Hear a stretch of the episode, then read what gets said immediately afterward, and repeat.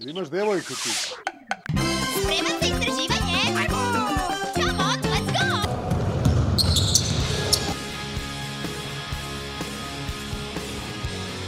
Just gonna go out, get my blood, sweat, and tears.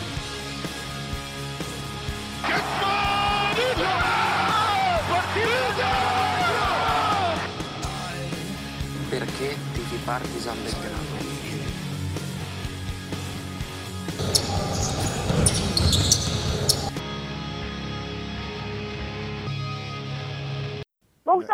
nešto da kažem o ABA ligi.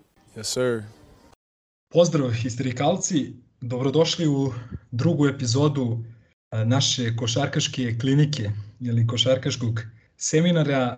Ponovo je sa nama naš drag gost Neven Nikolić, košarkaški trener i čovek koji prethodnih mesec, pa boga mi u stvari dva, dva i po meseca od kako je Željko na klupi Partizana, budno prati sve i mislim da je čovek koji je jako dobro pripremljen i spreman da, da nam ovaj, kaže dosta nekih novih stvari vezanih eh, za sam parket. Ovu epizodu dočekujemo u jednom vrlo lepom raspoloženju. Ekipa Partizana je fantastično otvorila novu sezonu nakon pripremnog perioda gde je takođe bilo dosta lepih stvari i dosta pozitivnih utisaka o čemu smo pričali u prethodnoj epizodi. Sada pričamo o startu Partizana i o, o ovih, da kažem, uvodnih mesec dana, a, a taj start nam je doneo i 6-0 u ABA ligi, odnosno 3-0 u Evrokupu, dakle sve u svemu 9-0 u svim takmičenjima Partizana, jedan siguran ubedljiv start, mnoge utakmice su dobijane ubedljivo, dvocifrenom razlikom i tako dalje. Treba biti pošten i reći da nam je raspored prilično išao na ruku.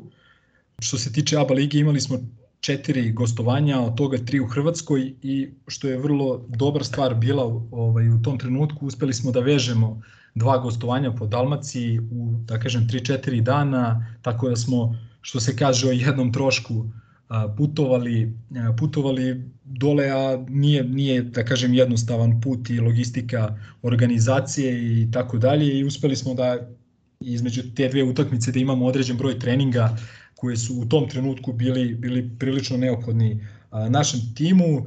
Nakon toga još četiri ubedljive pobede, dakle nakon te prve dve utakmice gde nismo baš preterano briljirali, ali smo odradili posao, stigle su četiri jako, jako bitne i, i sigurne pobede Partizana u ABA ligi i nakon toga i odličan start u Evrokupu. A, Nevene, moram za početak da te pitam za utiske o startu sezone, neke generalne utiske kako tebi ovo sve izgleda i moram da te pitam, s obzirom si bio prisutan u, u Dražanovom domu, dakle na toj utakmici Cibona Partizan, a bio si prisutan i nekih e, koliko je bilo mesec, mesec i po dana pre toga u Opatiji, dakle na utakmici istih rivala gde nas je Cibona onako, da kažem, i ponizila.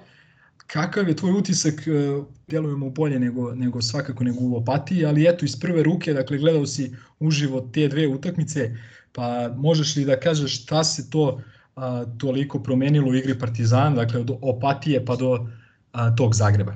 Prije svega pozdrav tebi Milenko i svim histerikalcima. Pa evo sam si rekao, e, mislim da se promijenilo dosta toga. E, ako gledamo paralelu i izlačimo paralelu iz te dvije utakmice, prije svega e, Partizan u Opatiji je igrao bez Pantera i, i Smajlagića. Sad vidimo koliki je njihov utjecaj na igru Partizana, tako da samim tim je ovaj ova druga utakmica bila bila puno bolja. Međutim, ono što je velika razlika između pripremnog perioda i Partizana danas je uh, intenzitet Partizanove igre koji je nestvaran po meni za, ovaj, za ovu fa, ranu fazu sezone. Uh, I sve ove pobjede koje su bile, uh, su bile na krilima tog intenziteta, jedne enormne energije i želje. Prije svega se to vidi na, u fazi obrane, jel? Partizan igra s, s jedan strašan kontakt, e, melje protivnike upravo, upravo ovaj, tom jakom obranom i tranzicijom. Sam si rekao da je e, i raspored išao na ruku, ja se slažem s tim, ali i, i uvijek kad, i kad imaš lagan raspored, uvijek se, ono što kažemo, po putu dogodi neka nagazna mina gdje se kiksa, Partizan nije napravio nijedan kiks i, i ovaj, igra izvanredno, a kažem, tek, tek predstoji vrijeme koje će, ovaj, u kojem će Partizan sigurno podići još nivo svoje igre na, na ono što Željko želi. Ajde, kad smo već kod eh, tog rasporeda, znamo eh, da nam sada predstoji jedan prilično težak eh, mesec, ovaj, bit će tu i nekih teških gostovanja poput Andore, gde, da, opet da kažem, nije lako ni otići, mislim da ne znam i da li postoji direktan let i tako dalje, samo par dana posle toga čeka nas duel sa ovim komšijskim timom, nakon toga i budućnost Lijetka Belis, e, Nenada Čanka koji je odlično startovao Eurocup i tako dalje. A ekipa sada, evo, ovo snimamo 4. novembar, a, ekipa je neka dva i po meseca u trenažnom procesu i do pre, da kažem, dve nedelje taj, pretpostavljam da su treninzi bili onako prilično pojačani intenzitet i tako dalje. E, onda smo sa te jedne utakmice nedeljno prešli na ovaj popularni ritam sreda subota. Ovaj u raspored nam je ubačen i i taj i to evropsko takmičenje. Koliko će to promeniti da kažem sistem treninga, intenzitet i tako dalje, ovaj eto čisto iz trenerskog ugla koja možda tvoje neko iskustvo kada se da kažem odjednom pređe sa sa utakmice sa jedne utakmice nedeljno na dve, koliko to menja, ne znam, scouting, pripremu za rivala, intenzitet treninga i tako dalje? Pa sam Željko je dao odgovor u opatiji ovaj, na to pitanje. On kaže da je e, s jednom utakmicom u 7 dana to jedan sport, a sa dvije utakmice da je to sasvim drugi sport. I da on e, tako i prilazi ovaj tom rasporedu. Pa sigurno da će se promijeniti sve manje sad treninga, više, više se rade sastanci i mislim da se vjerojatno radi jedan trening dnevno, možda malo duži, ali uglavnom jedan dolazak u dvoranu je, je na dan.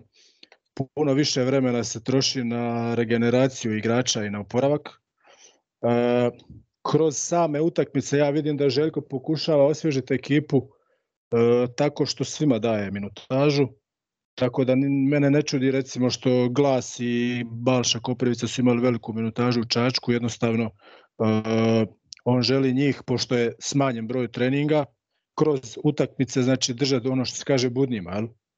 Tako mhm. da, ovaj, a usto i odmoriti nosioce igre, pogotovo tu mislim na, na Pantera i, i Ledeja. Rezultat nije patio, videli smo da je svejedno ovaj, Partizan lagano došao do pobjede, a upravo zbog toga što nema, kažem, treninga, e, ta utakmica je u biti zamjena, zamjena za trening za te igrače koji manje igraju u ovim važnijim utakmicama. Sigurno da, da ovaj ekipi još uvijek fali treninga, bez obzira što je Partizan imao dva mjeseca, recimo, uh, ulaska u sezonu, gdje je mogao trenirati znači, samo s tom jednom utakmicom u sedam dana. Oni su imali dva mjeseca, dok ekipe iz Eurolige nisu imali taj luksuz. Eurocup je relativno kasno krenuo u, u še, mislim 16. jel? 10. tako da su imali vremena dosta toga pripremiti u igrat, a sad, kažem, sve se to mijenja, puno je putovanja, puno je utakmica i, i emocionalnog pražnjenja. Mislim, nije lako sad e, i nakon ovakve utakmice u, u utorak treba igračima stvarno dva dana da dođu sebi, ne samo zbog ovaj fizičkog pražnjenja, nego i tog psihičkog. Imam neki utisak da svi znamo za tu Željkovu filozofiju da on smatra da je protivnik da je ponižavanje protivnika kada ono izvedeš ne znam rezerviste i digneš digneš ručno ono što se kaže na 20 20 25 razlike i tako dalje i ono sada već vidimo da on insistira da se i poslednji napad na utakmici igra bez obzira kolika je razlika odnosno poslednja odbrana tog poslednjeg napada. Pa pazi, znaš kako, ja mislim da je to, uh, gle, E, u Ciboni je bila situacija, mislim da je bilo 15 razlike za Partizan i tako nekih 15-16 sekundi do kraja gdje on tjera ekipu da idu na koš. I mislim da je Ledaj zabio trojku ili ovako nešto bilo. E, jednostavno, e, nema odstupanja. 40 minuta se mora igrati maksimalno, maksimalnim intenzitetom i to je jedini način da se ne zamjeriš lopti. Nije bitna ta utakmica da li će završiti 15 ili 20, ali za neke druge utakmice, vjeruj mi, jako bitna stvar Znači ekipa ne odustaje niti u jednoj sekundi, što se sad vratilo već protiv Juventuda, znači iz, relativno izgubljena situacija je bila. Ja ne znam da li je neko slučajno mislio da se može okrenuti onih minus 11, on je uspio. On je uspio upravo zbog tog odnosa njegovog prema utakmici, prema košarci, pristupa, počelo se vraćati već, već u ranoj fazi. Da, da, otvorio sam ovu temu uh, iz, iz razloga što mi se čini da uh, Željko i kada se ode na 20 razlike i 25 razlike, uh, ne gleda ono da, da se otalja utakmica do kraja, kako se ono kaže u žargonu, a, i da samo prođe vreme, već da se pokuša nešto novo, neka nova zamisao, da se, mislim, gde ćeš gde ćeš imati bolju priliku da vidiš da li nešto funkcioniše ili ne, osim u živoj utakmici ovaj, na, na parketu protiv, kaž, da kažem, ozbiljnih protivnika. Pa to je apsolutno si u pravu, zato što uh, on utakmicu smatra jednom vrstom treninga. Ovo je rana faza sezone, produžetak pripremnog perioda, jednostavno on uh, želi isto imati uvid uh, u druge igrače, da li su sposobni neke stvari koje rade na treninzima sprovesti na utakmicu, oni svi dobijaju šansu, neko je koristi više, neko manje, ali jednostavno i njemu je ovo e, na neki način ovaj e, još uvijek škola da vidi ko šta od njih može. I nema tu otaljavanja, oni svi imaju pravila, imaju zadatke u igri i kažem, 40 minuta je intenzitet. Ono što mora biti je taj intenzitet i, i želja i energija, a to što se napravi pokoja pogreška, to će se ispravljati na treninzima. Baš kad smo ti ja komentarisali utakmicu sa Krkom, gde sam ja rekao kako mi da kažem, donekle mi je malo i žao što je tolika razlika, jer Krka je jedan od redkih klubova sa ovih prostora koji zaslužuju neki maksimalni respekt i tako dalje. Ove, a ti si baš rekao da prosto sa ovim ritmom sreda subota i sa nedostatkom termina za treninge ovaj, koje smo imali u dosadašnjem delu, svaki minut i ovaj, svaka četvrtina, svake utakmice mora da se koristi kao neka vrsta uh, produžetka tog trenažnog procesa ovaj, i Tako eventualne je. pripreme za, za, za nešto što će, što će uslediti. A, tako da, ajde da pređemo onda malo na neke individualne učinke i uloge igrača. Kad smo snimali prethodnu epizodu, napravili smo tu neku grubu podelu rostera na neke tri kategorije, na bekove, krila i visoki igrače i ja bih to zadržao a, sada. Pa ajde da krenemo od te, da kažem, bekovske bekovske uh, linije, Avramović, Madar, Panter, pa šta znam, uh, Trivunović, Mur i, i ajde i Glasa možda možemo tu da, da stavimo. Ajde da krenemo od Aleksa Avramovića. Po mom mišljenju, u poslednjih par utakmica je jedan od značajnijih igrača Partizana i jedan od igrača kome se isprofilisala ta neka uloga gde ga Željko vidi a to je pre svega u unošenju ogromne količine energije u, u ekipu, u igru Partizana i pre svega u odbranu. Dakle, onim svojim rukama koje su bukvalno do zemlje, na svakoj utakmici ukrade bar po dve, tri lopte u prenosu, otvori kontranapad i, i da kažem stvori neke lake poene. A odličan je kao što smo i znali u igri u tranziciji, vrlo dobar u, u odbrabenim zadacima a što se tiče napadačke neke produkcije, e, najviše uspeva da iskreira iz onih takozvanih reject, reject situacija, da. Jest. Kada po znacima navoda odbije odbije blok visokog igrača ovaj, i krene, krene na tu suprotnu stranu, a, tu, isk, tu uspe da iskreira kako za sebe, tako i za ostatak tima, jer obično je tu neka strana pomoći i otvorena je neka linija pasa, obično u korner igraču za, za otvorenu trojku. Kako ti se čini njegov učinak i njegova uloga do sada? Pa pazi, on je meni prije svega pa ugodno iznenađenje zbog ove obrane. Ja nisam prije primijetio ili nisu treneri vjerojatno od njega tražili ovakav način igre obrani. On se prometno kao nekakav defanzivni lider ove ekipe. E, mislim da je zadnje tri utakmice, pa vjerojatno negdje između 10 i 12 lopti što oduzeo na prevođenju, što, što natjerao protivnika na pogrešku na, na, ili na 8 sekundi da, ili krivi pas. Jednostavno, e, taj pritisak kad imaš na lopti onda i ostala četvorica igrača koji su iza ovaj, su agresivni, on je taj defanzivni lider, uzeo je na sebe taj dio i izvanredno, izvanredno ga koristi. Vidim da, da je specijalno to ovaj, u, nakon domaćih utakmica zbog publike, da ga atmosfera ponese i stvarno onako ovaj, ugodno iznenađenje. Kažem, s obzirom na tu obranu, kad je on unutra, puno se više ovaj, napada kontra napadima nego poziciono, upravo zbog te energije, pritiska i, i, ovaj, i, i te želje. Što se tiče napada, mislim da tu ima puno rezervi kod njega.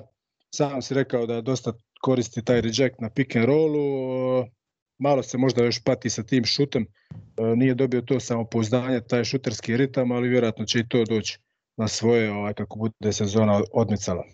Da, evo, baš gledam brojke, u ABA ligi šutira 2 od 12 za 3, a u Evrokupu 2 od 7. I ovaj, definitivno to je nešto na čemu bi trebalo da radi i da podigne te brojke, a mislim da će i ta dobra igra u odbrani, ti dobri potezi mu kroz neko samopouzdanje, ovaj, čini mi se da je on onaj igrač koji se hrani dobrim potezima i porastom tog pa da, nekog samopouzdanja da pogodi kad, šut. Kad se spomenuo te, taj šut iz igre, e, dosta tih šuteva je bilo onako e, koji nisu bili pod selekcijom šuta. A, ili s istekom vremena ili onako neke neke situacije koje nisu ovaj šuterske, pa je možda zato to malo lošije, ali nije on toliko loš šuter, ovaj samo jednostavno ne uzima te prave šuteve i to je možda možda zbog toga ima ima lošije postotke, al. Da ajmo na Jama Madara koji je imao neke, neke fenomenalne partije, neke stvarno briljantne partije gde je, da kažem, predstavio sav svoj potencijal i talenat koga ima u izobilju, ali imao i neke utakmice gde se prilično patio, poput čini mi se Splita, da je tamo odigrao nešto lošije i ove poslednje utakmice protiv Juventuda koji ga je onako prilično poništio, poništio je sve njegove, njegove kvalitete. Kako njega vidiš, sećam se da smo pričali da, mi, da kako smatraš da mu malo kasni taj pas i tako dalje, kakav ti je utisak nakon ovih mesec dana? Pa isti kao i prije, on ima određene probleme u igri i još uvijek kasni pas i sklon je izgubljenim loptama. E, ono što meni recimo kod njega smeta što zbog tih izgubljenih lopti unosi malo i nesigurnost u ostatak petorke. Ima on poene u rukama i kad ga krene šut onda je to u pravilu dobra utakmica. Međutim, e, kad ne dođe do otvorenih šuteva ne pronalazi način da se razigra recimo kroz asistencije, kroz prodor igru, kroz kontre i onda ulazi u nepotrebne nervoze i, i ovaj, ubacuje ekipu kontra ritam to se sad videlo najbolje protiv Juventuda, čini mi se ono na 22-17 kad je on ušao unutra da su oni napravili nekih 6-0 iz, upravo iz izgubljenih lopti.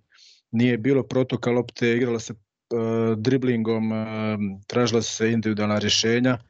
Protiv takve ekipe je to nemoguće i onda su ekipa upala u kontraritam iz kojeg se, boga mi, nisu izvedili do kraja utakmice, znači do, do zadnjeg šuta.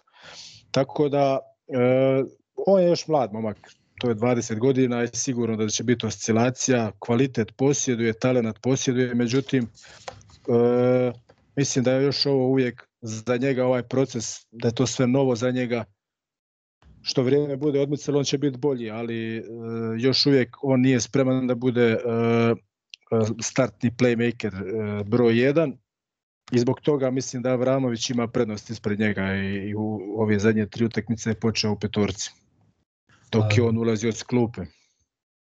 Da, s tim što mi se čini da stvarno Željko veruje njega i pokušao je da ga istrpi maksimalno u ovoj posljednjoj utakmici ovaj, baš protiv, protiv Juventuda i malo u odbranu, u odbranu Avramovića jeste bio problematičan taj, taj početak druge četvrtine ovaj, kada je on, da kažem, organizovao igru, ali mislim da je to delimično zato što je ostatak ekipe imao premalo širine.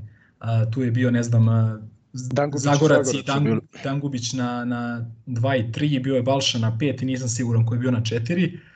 Mislim da smo svi mi bili svesni kada, je, kada smo potpisivali Madare da će biti ovakvih utakmica, da je prosto neminovno da playmaker od 20 21 godine da igra kao ne znam neki uh, Papa Lukas ili, ili kao Zizis ili šta ja znam. Tako da sve to sve to ovaj neki proces učenja kako se zove, što, bi rekao Tom Thibodeau, trener New York Knicksa, ili ćemo da pobedimo ili ćemo nešto da naučimo, nema, nema, Pa je. nema treće. Svaka utakmica je prilika da se nešto nauči. A, da, ajmo na, ajmo na čoveka koga nismo previše, čini mi se u toj prethodnoj uh, epizodi pominjali, a to je Dallas Moore. Jedan onako specifičan igrač što po građi, što po da kažem nekim odlukama na terenu i tako dalje. Meni je on lično više, više dva nego jedan i u principu mi se čini više da igra od lopte nego sa loptom, osim u momentima kada, kada je recimo Željko procenio da ni Avramović ni Madar nisu baš ovaj ne donose baš sa te pozicije recimo protiv Juventuda je pokušao u, u određenim trenucima i sa um, uh, i sa Murom kao da kažem vodećim ball handlerom. Jeste, u trećoj četvrtini čini mi se. Da, ali meni on i dalje, i dalje mi je više dva nego jedan, više mi je ta neka konstantna pretnja ovaj, po koš protivnika gdje su ono četvoro oči je upreto, upreto u mura i gleda gde se on nalazi a, na terenu. Videli smo da ne zavisi isključivo od šuta za tri poena, ima one svoje, da kažem, split katove, gde ume često da utrči neki backdoor, da dobije, da dobije dobar pas od saigrača i da, i da položi tako dalje. Videli smo u par navrata da Željko insistira da kada Mur uhvati defanzivni skok, da spusti loptu u dribling i da on svojom neverovatnom brzinom da pokuša da pretrči sve protivnike i da dođe da dođe u poziciju za postizanje poena i par puta čini mi se to promašio, ali dobio je aplauz Željka.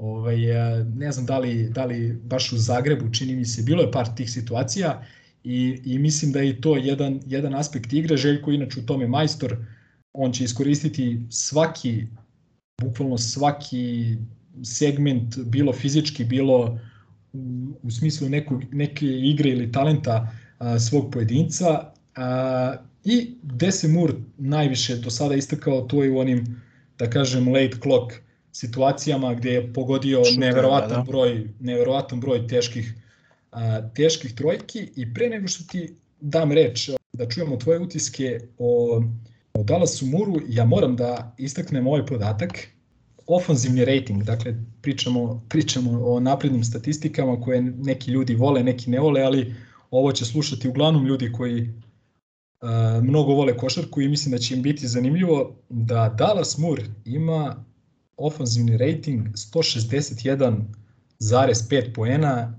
to jest Partizan ima taj ofanzivni rating kada je Moore na parketu, dakle postižemo 161,5 poen na 100 poseda lopte, u Evrokupu, dakle u ove tri utakmice Evrokupa.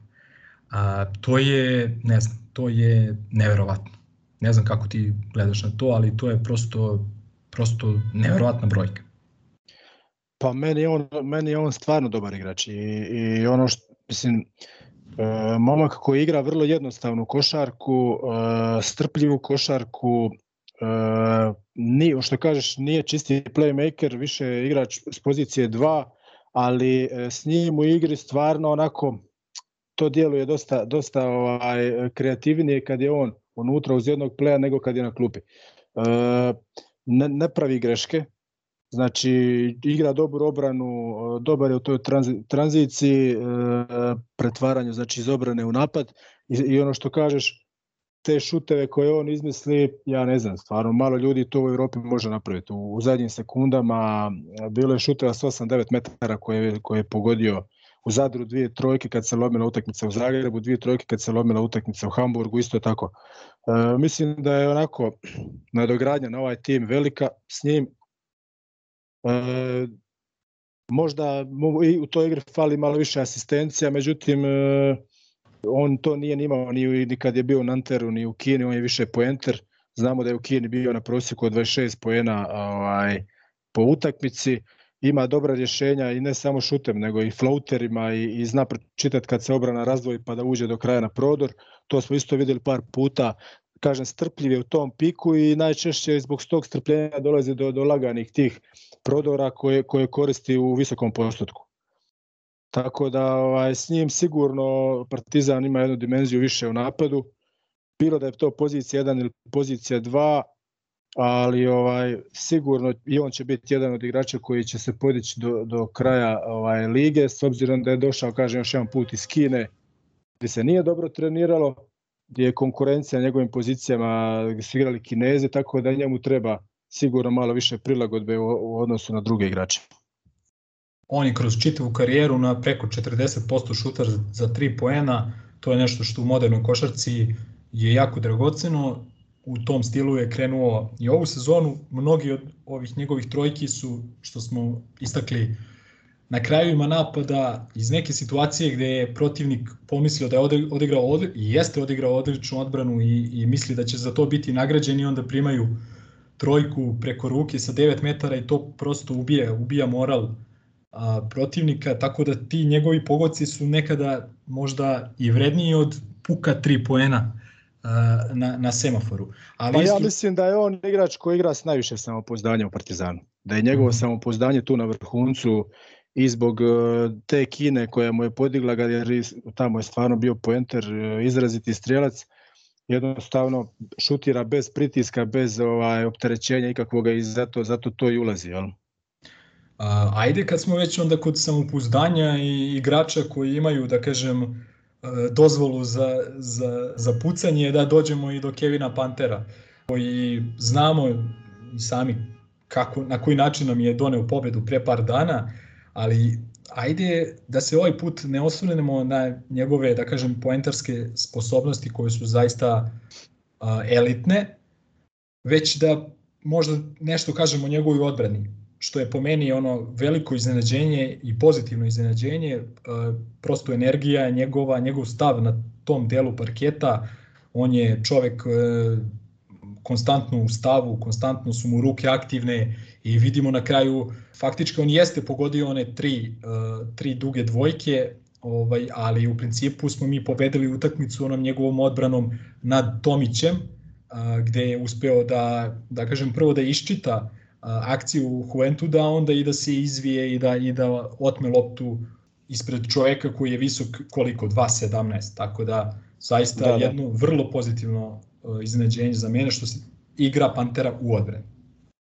Svakako. Mislim, to, na tome vidiš koliko je Željko veliki trener kad e, jednog takvog igrača statusnog, jel, koji ima ovaj, dozvolu ovaj, u napadu da radi šta hoće, natjera da igra ovakvu obranu kakvu on igra.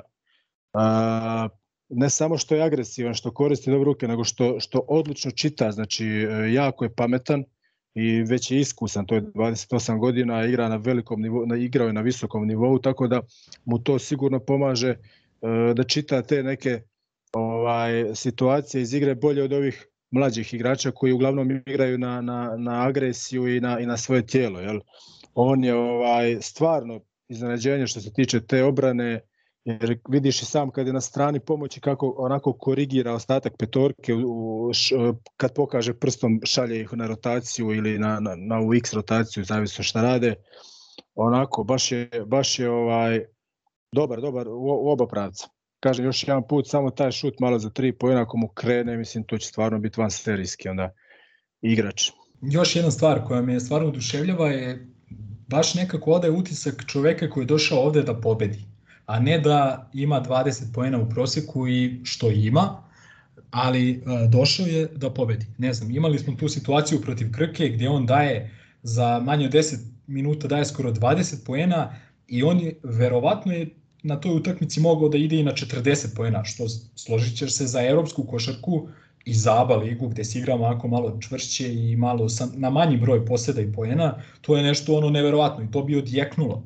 Željko ga je izbacio, mislim izbacio, izveo ga iz igre da ga odmori, on ni jednom gestikulacijom nije to protumačio nekako kako ne bi trebalo protumači. Ista situacija da se desila i u Čačku, gde on završio utakmicu sa 3 poena, čini mi se, ali kad god je ušao bio je potpuno uh, fokusiran i ovaj odnosno bio je potpuno fokusiran samo na, na rezultat, a ne na svoj učinak.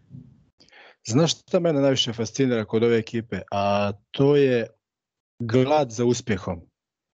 Za toliko malo vremena su, baš se vidi ovaj, na svim utakmicama i po ponašanju i po govoru tijela da su momci eh, gladni pobjeda, gladni dobre igre. Eh, iz te želje upravo za tim proizlaze i neke pogreške koje se događaju na utakmici i to im se ne može zamjeriti, vjerojatno i ni Željko to ne zamjera.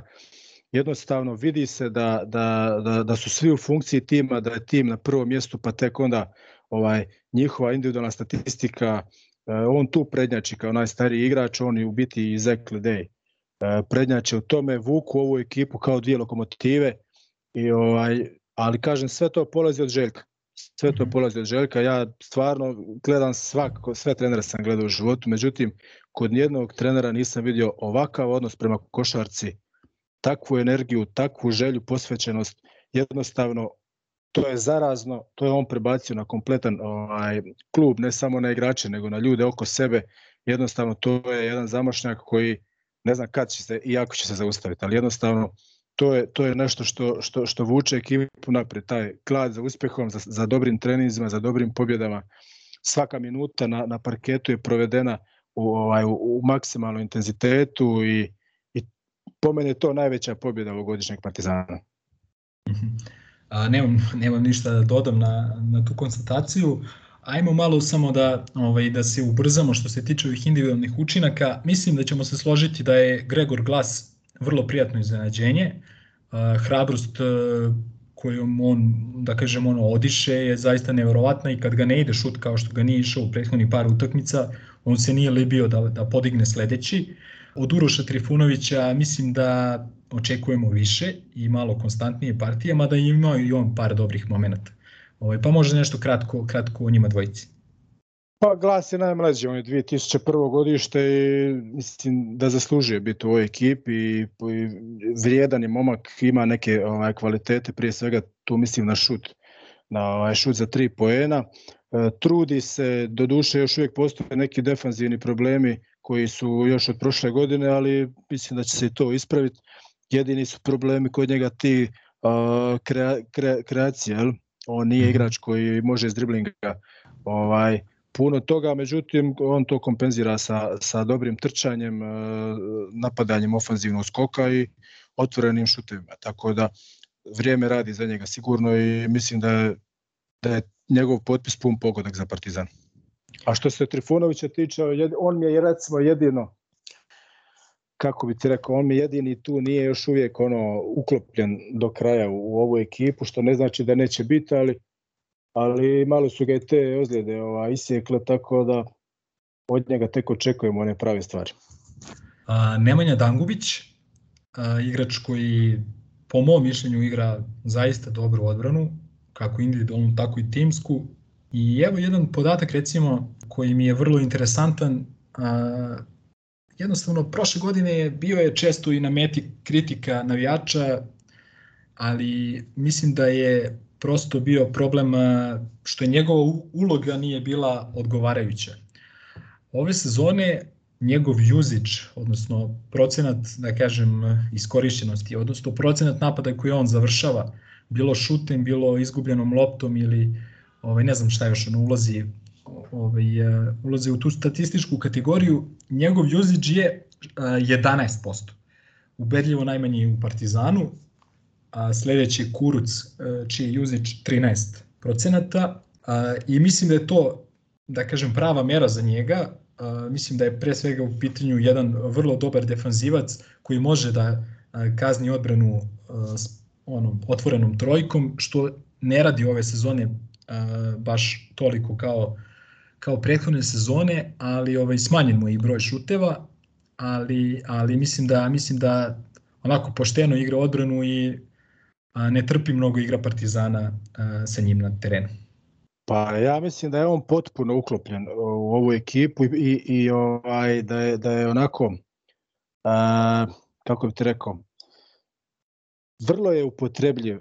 on je, evo sad recimo ispod pet penala. Neko se mora žrtvovati na utakmici da napravi tih pet penala, naravno neće to biti Panter, neće to biti Lede i glavni igrači. On je taj koji, koji preuzima tu žrtvu na sebe, da nekad napravi prekršaj recimo za nekog drugog.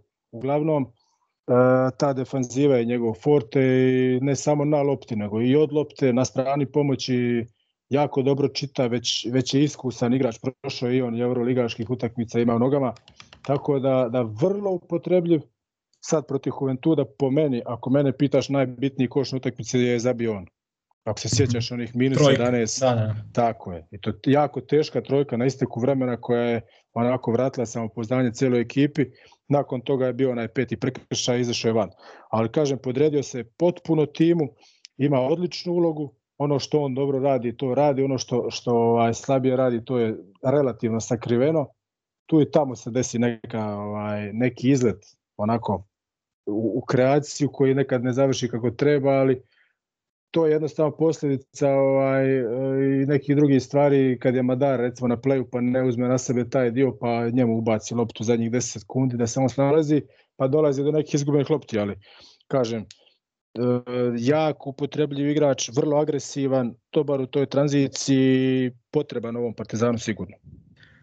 Vrlo interesantan je statistički podatak da je 86% njegovih šuteva iz igre e, u Evrokupu su trojke, što govori da to je ta uloga 3&D, a, smanjen mu je da kažem taj prostor za kreaciju sa potpunim pravom i čini mi se kao što smo pominjali u prethodnoj dakle emisiji da je on apsolutno zadovoljan tim svojim statusom timskog igrača, nekog osmog, devetog igrača u rotaciji i to za sada deluje sasvim ok. Rade Zagorac e, sa druge strane mnogo bolje partije nego prethodne sezone, prijem u rad sa Željkom, to je očigledno. E, takođe mi se čini da on prelazi u taj neki mod u glavi da prosto zadovoljan je tu gde jeste i da mu je ekipa ono na prvih pet mesta pa tek posle gleda neki svoj a, individualni učinak. Nekako imam utisak da postaje baš onako timski igrač u pravom smislu te reči.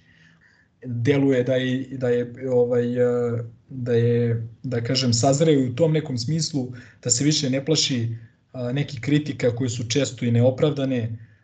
I moram da istaknem da je to igrač koga Željko najčešće seli sa pozicije na poziciji i sa uloge na ulogu, što takođe pretpostavljam da iz nekog igračkog ugla nije nije baš jednostavno.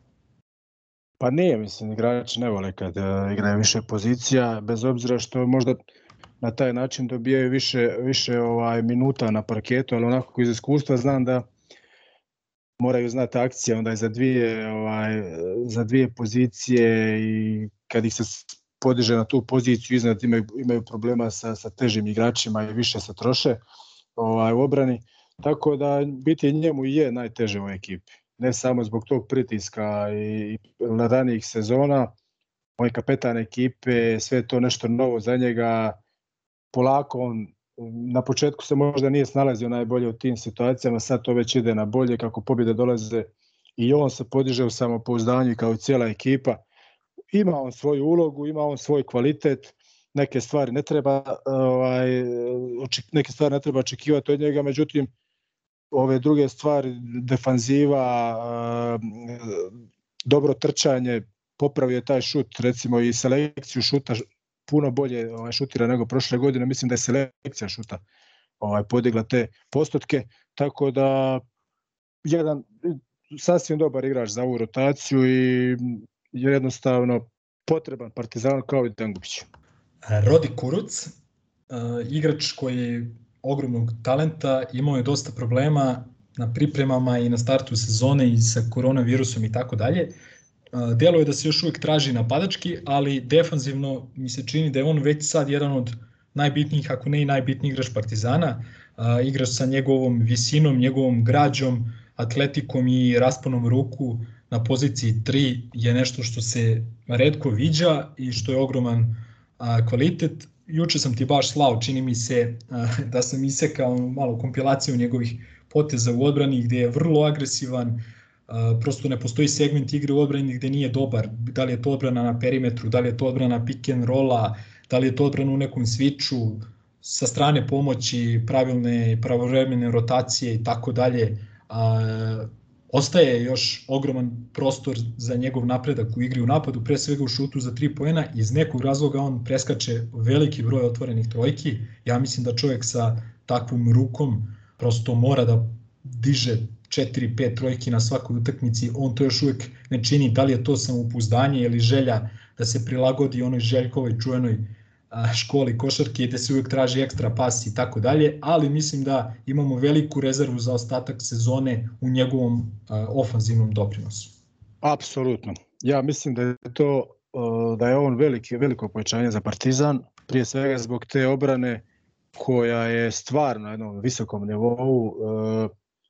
Da li je obrana na lopti, obrana uh, od lopte na strani pomoći stvarno onako djeluje, djeluje jako dobro. Uh, ima odlično tijelo, duge ruke, agresivan je, uh, popravio je čak i razmišljanje defanzivno, uh, puno, puno više razmišlja dok je u obrani. Da li je to zbog skautinga, znam da je u pripremnom periodu ima neki problema gdje recimo nije dizao ruku na dobre šutere, nije izlazio na close out toliko agresivno, ali stvarno onako jako teško ga je napadati, jako teško. Ima taj problem možda sa prekršajima, sa selekcijom ovaj, prekršaja, ali što se tiče obrane mislim da možda u Europi u ovom trenutku u Eurokupu nema boljeg defanzivca od njega, sigurno. A, problemi jesu napadački, ne samo taj šut. E, mislim da mu je najveći problem e, izlazni pas nakon prodora. Ne znam da li si primijetio koliko puta kad krene na prodor pa želi otvoriti izlazni pas na šutere, jako puno lopti gubi u tom segmentu. Ne znam s kojeg razloga ne ide do kraja s obzirom na, na, na konstituciju tijela i na odraz koji ima, po meni bi trebao više napadati ovaj obruč, manje ulaziti u tu kreaciju i naravno što više lopti ovaj šutirati jer on e, po nekim ovako postocima prije sezone on je mene više podsjeća na David Bertansa uh -huh. sa tim šutevima, međutim njemu dosta ovisi od te prve lopte. Ako ta prva lopta uđe, onda je on vrlo opasan. Međutim, ta prva lopta ako ne uđe, e onda, onda to samopouzdanje pada. Protiv Juventuda je sad uzeo onaj šut iz tranzicije, ako sjećaš na početku utakmice, nije ga zabio, jednostavno izgubio je taj napadački ritam kasnije. Ali u, opet je našao način da zabije 10 koševa. Zabio je one iz ukradene lopte iz prodora, e, iz tranzicije, tu je stvarno jak, ali mislim da još uvijek na tu pozicijonu košarku ima problema, mora se malo više opustiti, dobiti na samopouzdanju i mora raditi malo više na tom prodoru nego do sada. Bez dileme, ali bitno je to da, da za sada, da kažem, daje ogroman doprinos što se defanzive tiče, pa na kraju krajeva dobrim delom je i on svojom dobrom odbranom inicirao povratak naš u četvrtoj četvrtini gde je, ne znam, ukrao dve lopte, da je odigrao onu jednu dobru odbranu, ne znam da li nad Vivesom ili čini mi se, ne znam, nisam siguran nad kim, ovaj, ali slažem se i za selekciju, selekciju faulova. Ma nezgodan je, nezgodan je na, na ovoj na help side-u, stvarno ima duge ruke i eksplozivan taj prvi korak, stalno je u tom deflectionu, znači non stop je na, na, na rubu da presječe loptu, mm. da ukrade loptu, tako da onako baš, baš oduševio me tom obranom. Stigli smo i do visokih igrača, ja neću mnogo dužiti, pa ostavljam tebi, dakle, Smajlagić, Ledej i Balša Koprivica.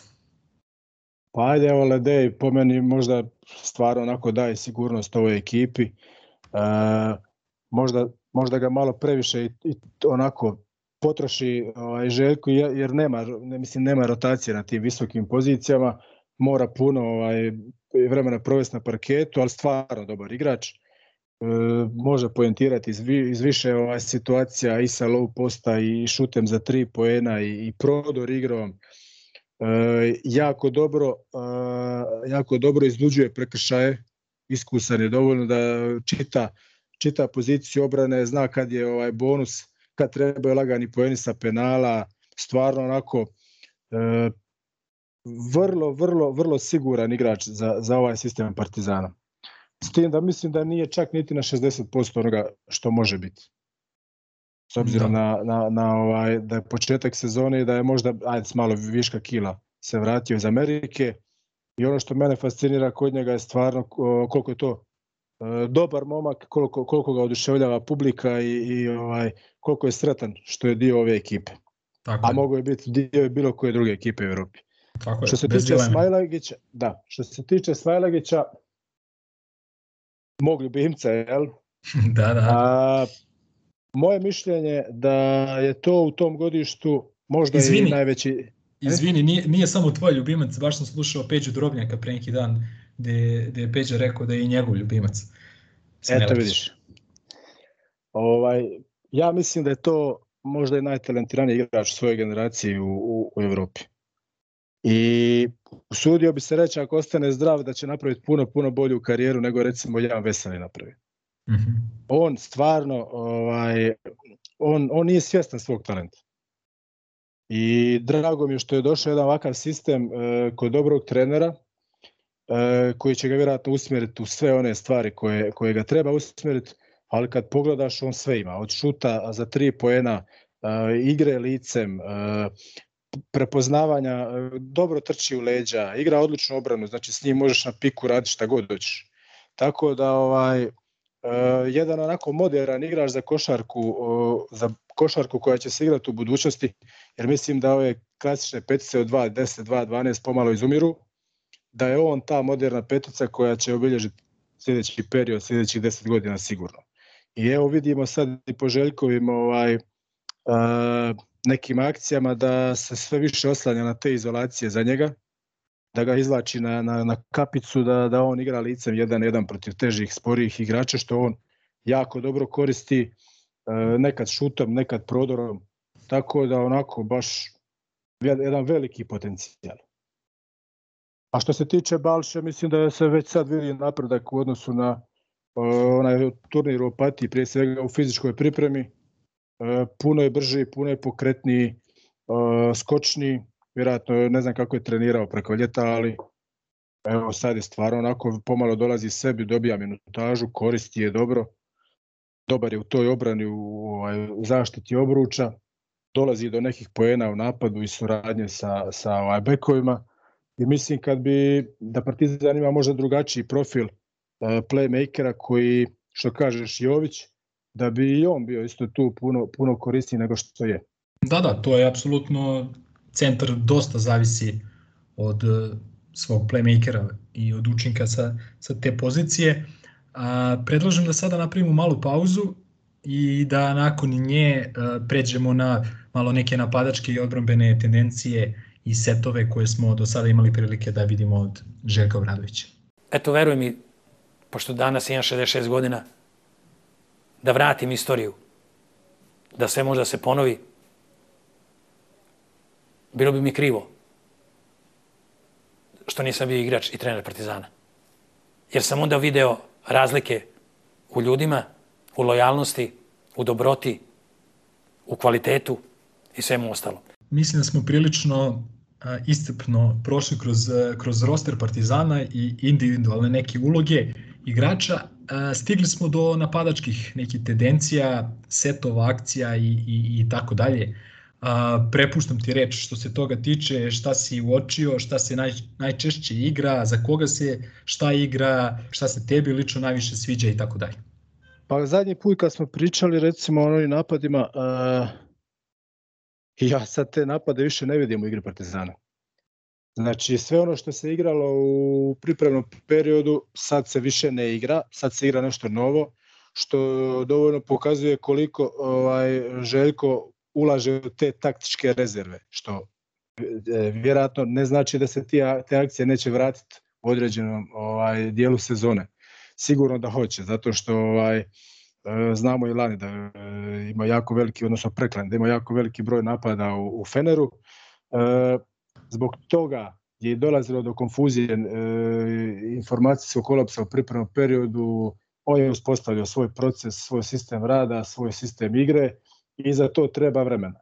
I sad se odlučio za, za malo jednostavnije e, kretnje i akcije, e, zbog možda važnosti utakmica, da ne bi zbunjivo igrače, uglavnom e, dosta se igra i pick and roll, naravno, to je kao prvi primarni napad, step up, pick and roll, e, dosta se lopta spušta na low post, na, na ovaj ledeja. E, u utakmicama protiv loših protivnika nismo ni vidjeli puno tih setova iz razloga što se igrala stvarno ova jaka obrana i puno se pojena za bijelo iz tranzicije, nije bilo pozicionih napada, tako da mislim nije bilo potrebe za pozicionim napadima. Što se tiče ovaj u zadnje vrijeme jako puno koristi se izolacije za Smajlagića, e, pick and pop situacije za njega da on primi loptu na vrhu pa da odlučuje da li je to šut za tri poena, da li je prodor ovaj e, protiv sporijeg centra i, i dosta akcija ima za izolaciju Kevina Pantera, što smo vidjeli sada protiv Juventuda zadnje minute. gdje je on uzimao odgovornost na sebe i rješavao sa, sa velikim ovaj, postupcima.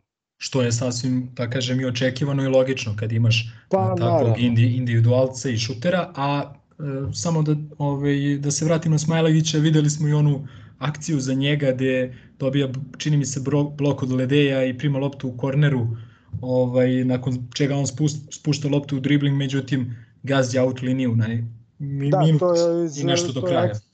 To je akcija s dijamanta, e, primarno on prima loptu gore na kapici kada playmaker koji se reši lopte dolazi njemu u blokadu, međutim Željko je tu akciju nacrtao na, mislim, kod njihovog izvođenja slobodnih bacanja, jer su oni se već prilagodili na njegov izlazak na kapicu, tako da on napravi fintu da ide gore, a da izađe preko četvorke. Međutim, uvijek je problem kad se lopta prima u, u, ovaj, u korneru, pogotovo ti igrači koji e, sa visokih pozicija koji imaju, što kažemo mi, ovaj, velike noge, pa onda i naprave prestup ili u ovaj čeoni out ili, ili, ili na sideline ili na baseline, tako da je to riskantno dosta, ali ajde, nije, ovaj, nije, koštalo, nije koštalo puno. Da, ta čeona linija je zapravo dodatni defanzivac. Ovi, Pa mi to zovemo šesti obrambeni, šesti obrambeni igrač, tako da Da. A, bolje napadati sa vrha. kad, smo, kad smo već kod igre u napadu, šta misliš o dubini igre Partizana? Odmah da kažem da dubina prosto ne mora da se ostvari samo spuštanjem lopte na nekog, ne znam, ogromnog centra poput Pekovića i, i šta ti, Marića i šta ti ja znam, dubina Da. može da se os- ostvari na više načina, prodorom a, i tako dalje, ali eto, ajde, konkretno što se tiče igre na postu, vidimo da e, se često igra za Ledeja, da ima nekoliko opcija iz, da kažem, ovih e, standardnih setova i napada, ima nekih produžetaka za njega i, i čak i iz određenih, e, da kažem, čeonih auta ima par akcija gde on dobija cross screen od Madara ovaj, e, i dobija loptu na niskom postu. Osim njega videli smo Kuruca u par navrata da dobija, a, dobija loptu dole i on je to u principu rešavao. A, prosto ima sve i atletske i fizičke predispozicije da rešava u visokom procentu a, igru leđima a, na postu. Međutim, osim njih dvojice nismo videli previše igre na postu, pa ajde da se vratimo na to pitanje kako vidiš dubinu e, ekipe Partizana i tu neku saradnju unutrašnjih i spoljnih igrača. Pa po meni e, je ta dubina i najveći problem e, Partizana. To se možda nije videlo u ovih prvih osam utakmica, ali se i tekako videlo protiv Juventuda. E, njihov trener se stvarno dobro pripremio za utakmicu. E, napravio izvanredan scouting, tako da, da je sve ono što smo govorili u pripremnom periodu, svi oni problemi su izašli na vidjelo. Nije bilo dubine.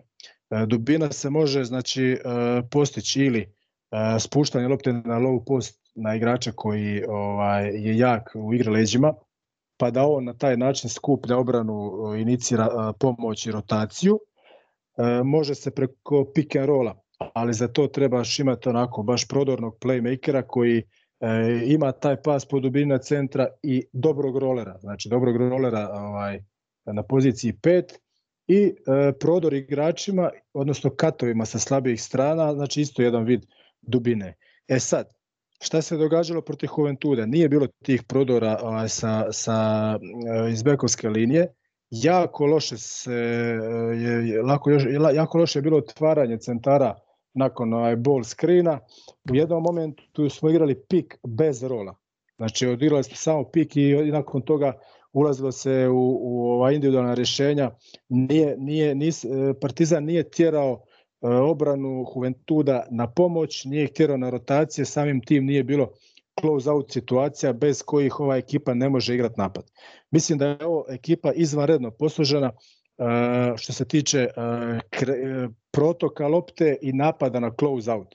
Međutim, tog close outa nije bilo iz razloga što nije bilo te dubine, nije bilo prijetnji u tom rolu, nije se lopta ni spuštala na low post, tako da, da su se, uh, uglavnom uh, napad se svodio na individualna rješenja, na kreaciju 1 na 5 i zbog toga je bilo jako veliki broj izgubljenih lopti i, i ovaj kontranapada Juventuda. I sad, na koji način to postići ili dovođenjem centra ovaj koji ima tu dubinu koji će ovaj ovakvu obranu kao što je bila obrana Juventuda tjerati ipak na neku užu obranu skupljanje pa onda kreirati igru iznutra prema van za šutere kreirati te close out situacije ili ili ovaj ne znam naći neko drugo rješenje ali kažem ovo nije bilo ovo nije bilo skroz dobro protiv Juventuda i vidjeli su se neke te boljke ovaj, e, u napadačkoj igri. I samim tim s 69 poena nam to govori, jel? Da, da, ali opet vraćamo se na onu staru dobru da je potrebno da pronađeš način da dobiješ utakmicu i mi smo ga na neki način ne, mi smo neki način i našli, ovaj, pre svega jednom odličnom igrom u odbrani u, u poslednjoj četvrtini i naravno ono, min, minijaturom Pantera gde je došao do izražaja sam njegov individualni kvalitet Ma da, i, i talent. znaš kako, ova ekipa je stvarno e, dobro poslužena, da, da postoji ta dubina, imaš dobre šutere, znači svi su dobri šuteri oko tog rolera, svi mogu napast close out driblingom, znači stvarno onako jako teško se to brani. Međutim, zašto, zašto, zašto se nije došlo do te dubine iz, iz, iz tog primarnog pick and rolla, to je vjerojatno ovaj, to će vjerojatno Željko pokušati riješiti u, u narodnom periodu. Ili kažem dovođenjem igrača ili ili ovaj e, kroz trening e, nekakav drugi sistem i tako dalje. Previše se onako oslanjalo to na pick and pop situaciju i napadalo s perimetra po površini, što protiv ovakvih jakih obrana, a to Juventudova obrana je, nije baš dalo neki rezultat. kad smo već kod toga, kakav, kakav tip centra misliš da, da nam je potrebniji? Čini mi se da sam ti postavio isto pitanje, ali eto, ajde, možda sad imamo nešto veći uh, uzorak utakmica. Imam prilično, da kažem, pouzdanu informaciju da je Partizan bio na pragu dovođenja Devonte Kekoka, koji je jedan onako ono popularan 45-ica, ona može 4, može 5, nema neku visinu, čini mi se 2.03, ali je jako atletičan i, i ovaj je onako odličan fizikalac. Uh, da li je to da li nam to govori da je možda to neki profil koji Željko smatra da nam da nam nedostaje? Da, dakle, da li nam treba neki pick and roll igrač jer sam si rekao koliko nam se igra svodi na te neke ball screenovi i tako dalje, a znamo koliko je blokada u Željkovom sistemu i filozofiji igre bitna, da li u tom ball screenu, odnosno pick and rollu, da li neka flare blokada, pin blokada ili šta ti ja znam, ili nam je potreban neki igrač koji može da na postu onako razgrće sve redom i da ti ostvari neku dubinu. Znaš i sam da je jako teško naći danas centra koji može i da ti donese i jedno i drugo, tako da morat ćemo izgleda da biramo u ne baš a, nekoj zadovoljavajućoj i, ovaj, i širokoj ponudi igrača. Pa dobro, ja mislim da u klubu sigurno gledaju ovaj gledaju konkurenciju, nije samo stvar e, kakav igrač je potreban ovoj ekipi, nego da se gleda i kakav igrač može odgovoriti e, visokim igračima e, iz drugih ekipa. Za, mislim, govorim za one ekipe kad dođu borbe za trofeje. Ovaj, tako da sigurno tu će se pažljivo ovaj, birat. Mislim da to nije igrač koji, koji je dominantan na low postu, jer e, za biti dominantan na low postu moraš ipak imati određenu masu. Ako imaš određenu masu, onda trpe neke druge stvari i u brzini i u tranziciji. Tako da prije uh, da će biti nekakav pick and roll, uh, dobar roller tipa uh, kao što je bio Will Mosley, igrač koji igra iznad obruča, koji, koji može pojentirati preko ale-apa, koji može napraviti dobru suradnju sa, sa bekovima, prije takav nego, nego ovaj, neki sporiji centar koji, koji bi možda usporio ostatak ekipe. E sad, znamo da, da ih je malo, da i da su skupi ti igrači, jednostavno neće biti lako ga pronaći, ali kažem, mislim da će sigurno ovaj se dovesti još jedan igrač, ne samo zbog toga da je potreba, nego da se smanji malo i minutaža nosiocima igre, jer ovo sad već ulazi pomalo i u zamor kod Ledeja i kod Smajlegića. Kad smo već kod pitanja centra, mnogi su isticali taj problem a, skoka. u, u našoj igri. Ja iskreno nisam video da je to nama neki nepremostiv problem, što na kraju krajeva i pokazuje pokazuje uh, ovaj skor od 9-0 na startu sezone. E sad, naravno da će se pojaviti neka ekipa koja će nas urnisati u skoku, koja će nam pokupiti, ne znam, 15-16 ofazivnih skokova i dati 20 pojena iz toga. Dakle, apsolutno nemam dilemu da nam je potreban centar koji bi doprineo u toj igri, igri na skoku. Ali, evo, opet ću se vratiti na nešto što je, da kažem, onako, Biblija za nas matematičare koji volimo košarku, a to je ova napredna, napredna statistika. Partizan je trenutno, do duše nisu ubačeni svi da kažem, podaci za sinoćne utakmice, ali Partizan je trenutno po naprednoj statistici druga najbolja skakačka ekipa Evrokupa. Bolji od nas je samo Lijat Kabelis Nenada Čanka. To je zbog Gagića. da, da, da. Uz nas dele to drugo mesto Andora i ovaj, Burž, francuski, koji je verovatno to zbog Erika Mike. Ovaj, Da, ali da, da, da. Hoću da kažem da, da e, mislim da ne trpimo iskreno toliko na skoku koliko je možda očekivano zato što smo undersize prilično na te dve pozicije kada Balša nije u igri, sa Balšom je to druga priča i evo, a, Balša, Balša što se tiče takođe napredne statistike, hvata 28% defanzivnih, defanzivnih skokova i 26% ofanzivnih skokova, što je takođe nešto što je neviđeno i što verovatno se neće održati kroz čitavu sezonu. Ipak je ovaj uzorak utakmica za sada jako mali.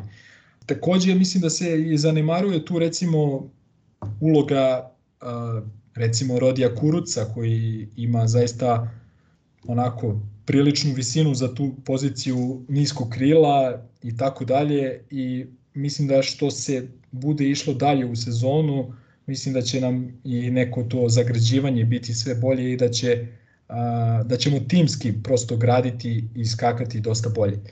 Ali opet kažem taj centar nam je stvarno neophodan kako zbog skoka, ali ja opet ponavljam, ne mislim da je to trenutno primarni razlog, više nam je centar potreban zbog te neke da kažem dubine u igri i možda eventualno igre igre u pick and roll. Kako ti gledaš na to? Pa evo, znaš kako, znaš kako, ovako. E, Partizan igra strašnu obranu, znači igra jako čvrsto u kontaktu, e, lopta je svih 24 sekunde pod pritiskom. E, Partizan tjera svoje protivnike na jako teške šuteve, na ishitrene šuteve, na šuteve van balansa s istekom vremena. Takvi šutevi se najčešće promaš, naravno promašuju. To su šutevi iz velikih udaljenosti gde se lopte odbijaju u tu takozvanu drugu skakačku zonu i naravno da neke lopte završe i u rukama protivnika. Ali to je sve plod partizanove agresije, znači Tako je. partizanove, partizanovog pritiska gdje oni, ne znam, od, od četiri šuta možda zabiju jedan. I onda ove tri lopte se odbiju od obruča, nek uhvatiš dvije, oni nek uhvate jednu, opet na neki veliki broj napada se desi tu nekakvih 8-9 skokova u napadu. Ja mislim da to nije neka tragedija, da se treba nastaviti igrati ista ova obrana nemoguće je spriječiti da protivnik nema bar 5, 6, 7 skokova napred. To je jednostavno nemoguće. To je živ, utakmica živi proces, dugo traje, jednostavno e, ti ofenzivni skokovi nisu nešto što predstavlja ne znam kakav problem koji se ne može riješiti i kompenzirati na neki drugi način. Ali kažem, opet mislim da su većina tih promašaja plod tih isitrenih šuteva sa velikih udaljenosti koje ovaj, se odbijaju puno dalje od obruča od onih visokih igrača, da nisu tu čak niti oni toliki krivci. To su lopte koje se odbijaju u bekovsku liniju, tako da možda malo više bekovi da sudjeluju u skoku, da će se popraviti ovaj, i, i taj defanzivni skok. Apsolutno se slažem sa tvojim utiskom i čini mi se čak da sam pominjao nešto slično u jednoj od naših redovnih epizoda gde sam rekao da je prosto na taj broj promašaja protivnika da kažem po zakonu velikih brojeva mora nešto da se odbije njima i moraju oni nešto da ovaj uhvate. Ma naravno. A, I e, čini mi se da i ovaj mali Madar ima, ima onako i njuh za skok i često on tu ima 3, 4, 5 skokova, iako, da kažem, po građi i konstituciji ne očekuješ od takvog igrača da bude nešto A aktivan. znaš šta je? aktivan na Zato skoku. što svi, svi ostali igrači grade, e, ja sam isto znao takve neke taktike defanzivnog skoka, ima da svi grade, a da playmaker ide na skok. Mhm. I da on bude taj koji vuče u leđa. Tako da vjerojatno plod tog zagrađivanja su ti njegovi skokovi u obrani.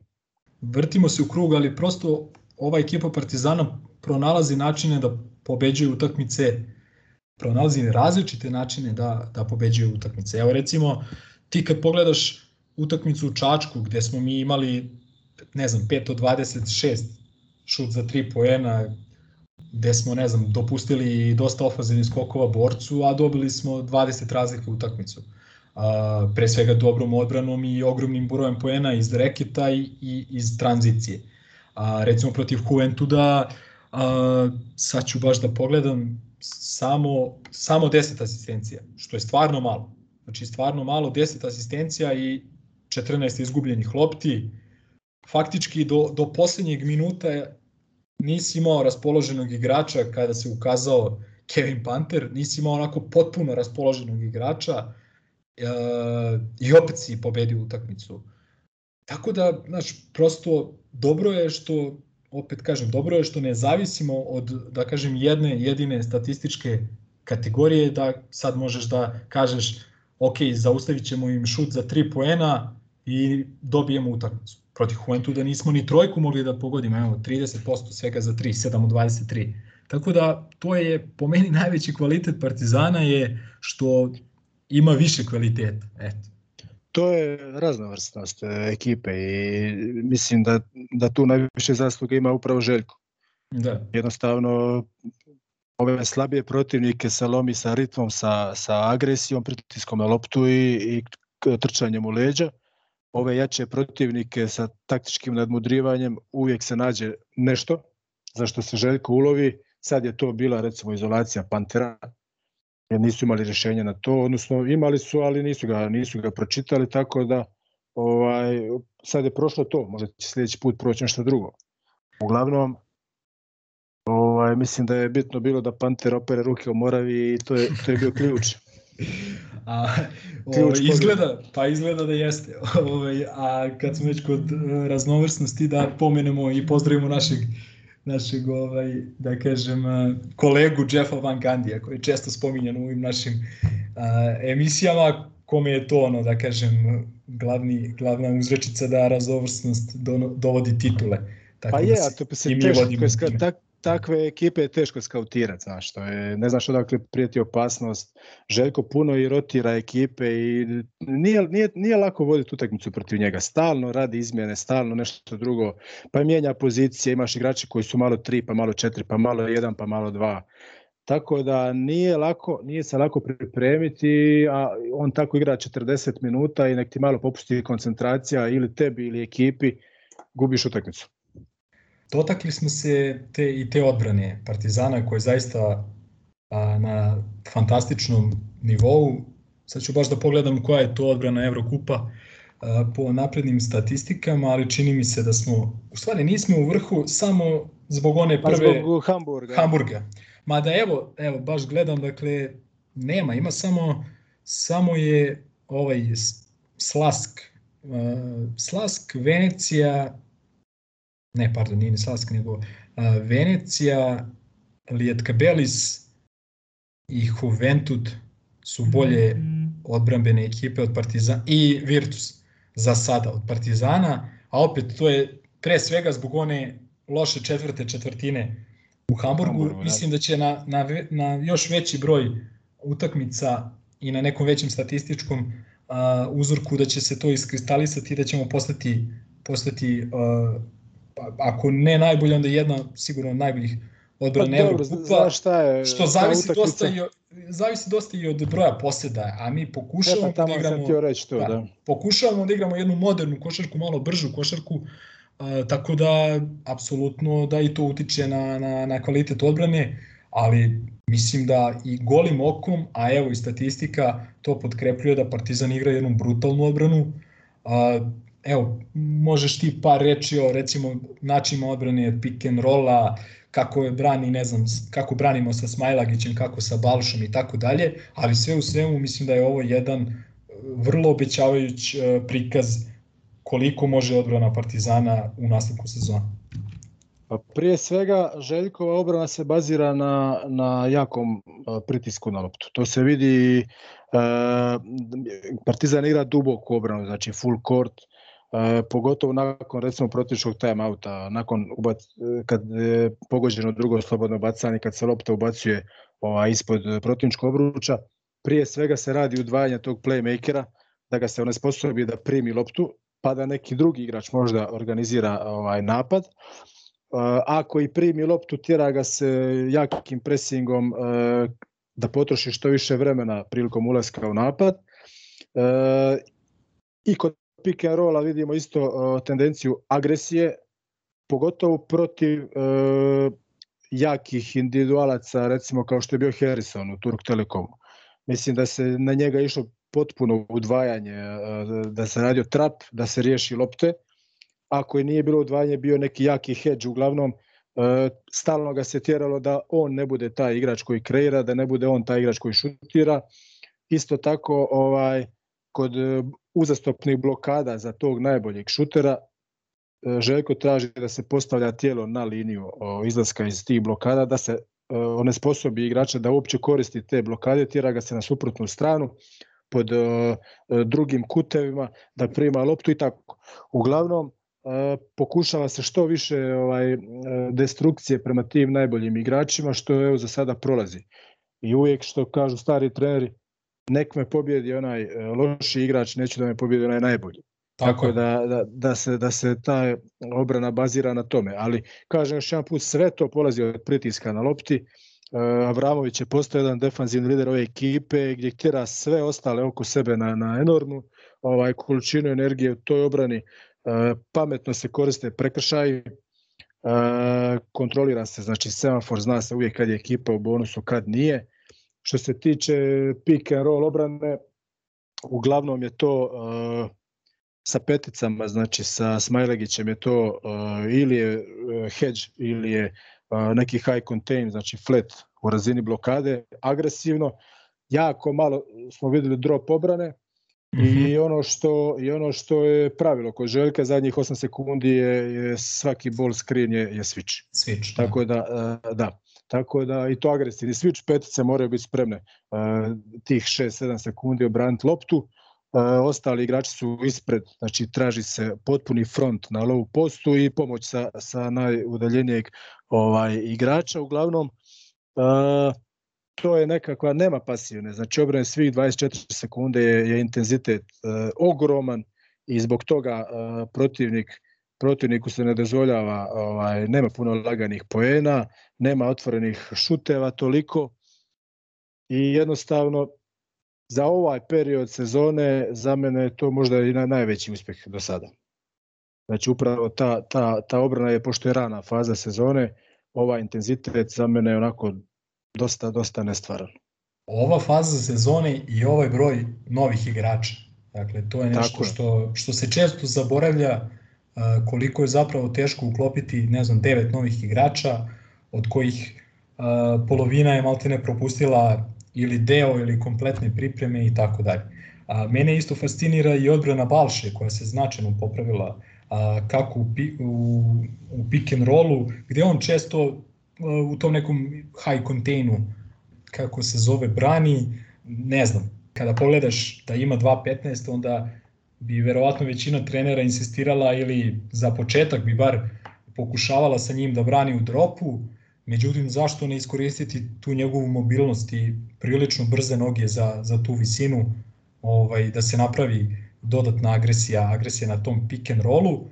I takođe Balša sve, sve češće i sve bolje čita i te neke kretnje i vidimo da je već postao prilično dobar u zaštiti obruča svakoj utakmici Maltene ima dve, tri blokade, što mislim da će postati neka, neki standard i neka norma što i očekujemo od centra njegove, njegove a, visine. I opet kažem, voleo bih da ljudi shvate, odnosno da obrate pažnju koliko je Kuruc značajan kao neka vrsta i korektora i primarnog defanzivca, da. A, zato što baš sam primetio da ga redko i napadaju. Mislim da su i protivnici svesni da, da nije ga baš lako a, probiti na perimetru ili u toj nekoj igri 1 na 1 i, ovaj, i mislim da je, da je nam je on bukvalno, ako ne ključni, onda jedan od bitnijih igrača ovaj, na tom delu parketa. Mene recimo u ovoj obrani, e, mene najviše fascinira razina komunikacije među igračima. Koliko god to možda bilo onako jednostavno, vjerujem mi, to nije jednostavno za, za, za dobiti od igrača, jer to je navika koja se stvara od malih nogu.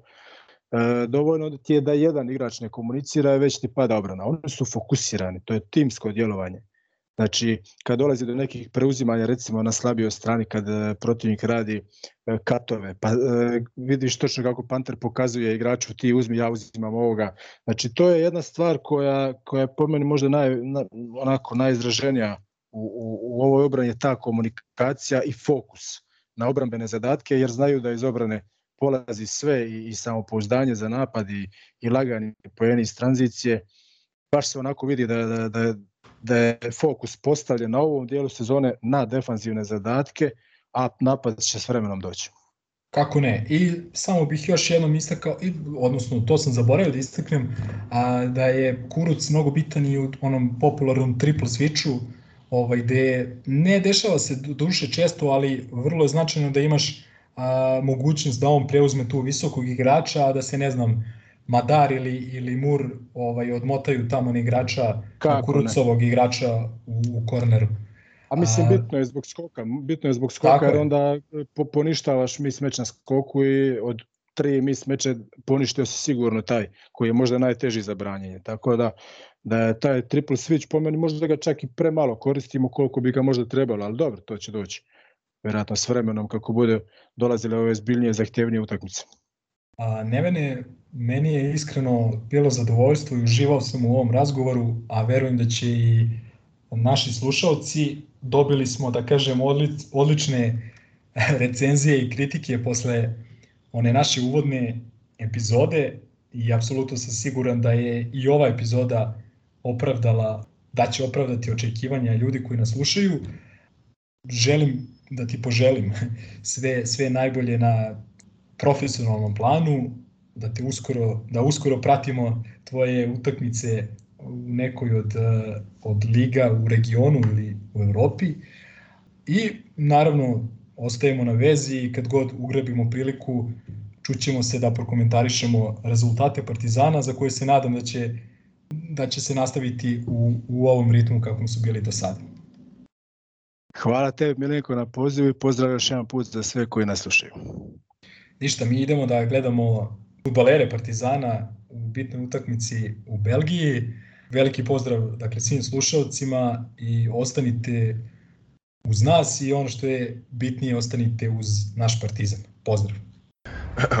Ciao, brate. Salim ti prijetna dan.